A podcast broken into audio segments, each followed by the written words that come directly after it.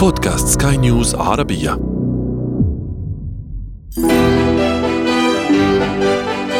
الحياة رواية.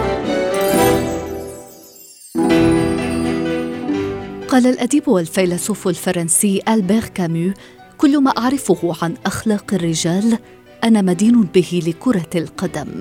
كامو الأديب واللاعب الشغوف بالمستديرة الصغيرة فهذه الأخيرة والأدب ليسا بالعالمين المتناقضين تماما بل بإمكانهما التعايش والانصهار في صفحات كتاب واحد نتحدث اليوم عن كرة القدم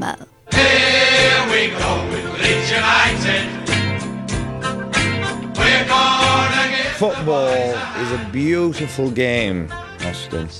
في 44 فصلا 44 يوما قضاها براين كلاف على رأس ليدز يونايتد The Damned United للكاتب الإنجليزي ديفيد بيس. في اليوم التالي من عيد الميلاد عام 1962 يصاب كلاف وينتهي مشوار الهداف الموهوب لفريق ساندرلاند نهاية مباغتة لموهبة واعدة. لكن كلاف يريد الأخذ بثأره ويصير مدربا على رأس الإدارة التقنية لفريق ديربي المتواضع الذي سينجح فيما بعد في قيادته للتتويج بالدوري.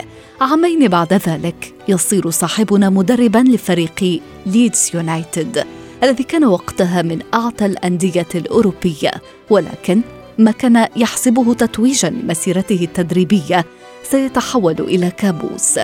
رواية استثنائية تشهد على عصر كرة القدم الإنجليزية في نهاية السبعينات وأيضا عن هشاشة عالم الرياضات التنافسية أمجاد سريعة الزوال وثوابت اليوم ليست نفسها في اليوم الذي يليه.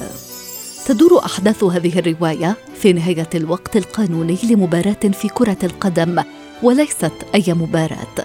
نهائي كأس أوروبا. مدرب يحلل وقائع اللقاء مع لاعبيه. ليس ذلك فحسب.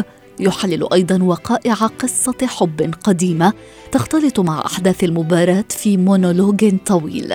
قد يبدو الأمر فوضويا أحيانا لكنه بالنسبة للراوي خوض في أمرين متقاطعين. لعبة الكرة كلعبة الحب. رواية Jouer juste ويمكن أن نترجمها ب اللعب الصحيح للكاتب الفرنسي فرانسوا بيغودو. رواية بعيدة عن النمطية كما أنها ليست موجهه فقط لمحبي كرة القدم. يقول المدرب الراوي متوجها إلى لاعبيه تقولون لأنفسكم لم نكن لنصل لهذا لو كان الحكم قد أطلق صافره على فريدريك في بداية الهجمة التي جاء منها هدف التعادل. تقولون إن المباراة كانت لتكون محسومه الآن لولا حركة الرياح لولا حالة العشب لولا القدر لولا حركة جناح فراشة في بكين.